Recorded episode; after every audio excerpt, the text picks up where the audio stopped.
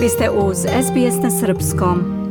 U nastavku programa još jedna tema koja se odnosi na aktivnosti Australije na međunarodnom nivou.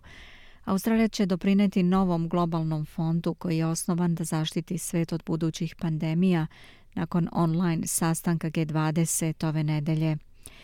Indonezija ove godine predsedava sastankom G20, a ministar zdravlja te zemlje kaže da je više od milijardu američkih dolara, odnosno 1,6 milijardi australijskih dolara, već obećano od strane nacija koje su prisustovali samitu. Zemlje G20 složile su se da uspostave fond vredan više milijardi dolara za sprečavanje budućih pandemija sa ciljem prikupljanja 2,2 milijarde australijskih dolara ove godine. Fond bi mogao da počne sa radom krajem juna, ako to odobri odbor Svetske banke koji bi njime i upravljao. Fond bi okupio ključne finansijske i zdravstvene institucije koje bi se pozabavile rizicima budućih pandemija, tako što bi podržale lakši pristup vakcinama za zemlje sa niskim i srednjim prihodima, kao i nadzor bolesti i istraživanja.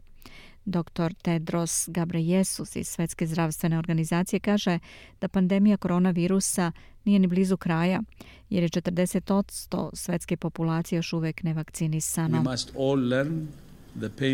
Svi moramo da naučimo bolne lekcije koje nam je pandemija ostavila i to je bio fokus naše rasprave. Svetska zdravstvena skupština prošlog meseca u okviru Svetske zdravstvene organizacije predstavila je predlog za novu globalnu arhitekturu za spremnost i odgovor na vanredne situacije u zdravstvu. Indonezijski ministar zdravlja Buti Gunadi Sadikin – kaže da će se ovaj fond koristiti za buduće pandemije. On kaže da je potreban sporazum kako bi se osigurala saradnja između vlada i privatnog sektora kako bi se ubrzao razvoj vakcina.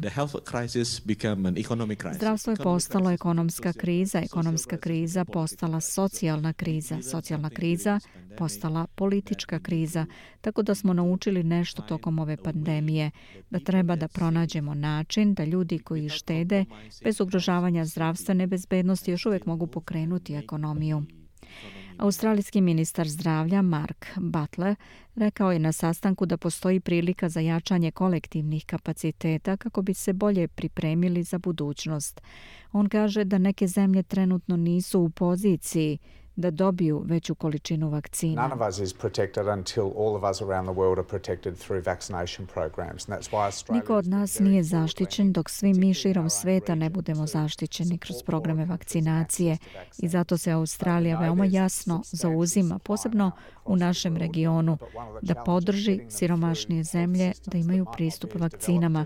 Znamo da postoji značajna ponuda sada širom sveta, ali jedan od izazova je da ih prebacite kroz zdravstvene sisteme koji možda nisu toliko razvijeni kao što su u bogatijim zemljama.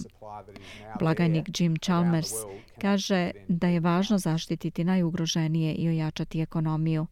Dr. Chalmers kaže da je Australija posvećena tome da igra svoju ulogu u fondu koji će doprineti odgovoru na globalnom nivou i strategiji prevencije u budućnosti. Postoji uloga globalne zajednice, a to je da budemo tu jedni uz druge, da uradimo ono što možemo jedni za druge, da osiguramo da se nosimo najbolje što možemo sa zdravstvenim i ekonomskim izazovima koje predstavlja COVID-19. Blagajnik je potvrdio da će prisustovati sastanku ministara financija G20 na Baliju sljedećeg mjeseca od 15. do 16. jula. On kaže da konačni doprinos Australije fondu tek treba da bude finalizovan, ali da će doći iz postojećeg finansiranja za prekookeansku razvojnu pomoć koja je već uključena u budžet. Do sada su se Sjedinjene države, Evropska unija, Nemačka i Singapur između ostalih obavezale da će zajedno doprineti fond od ukupno 1,6 milijardi australijskih dolara. Globalni broj smrtnih slučajeva od COVID-19 preko 27 meseci od marta 2020. premašio je 6,3 miliona. Sa više od 533 miliona potvrđenih slučajeva do 12. juna, piše Stefani Corsetti, za SBS News. Želite da čujete još priča poput ove? Slušajte nas na Apple Podcast, Google Podcast, Spotify ili odakle god slušate podcast.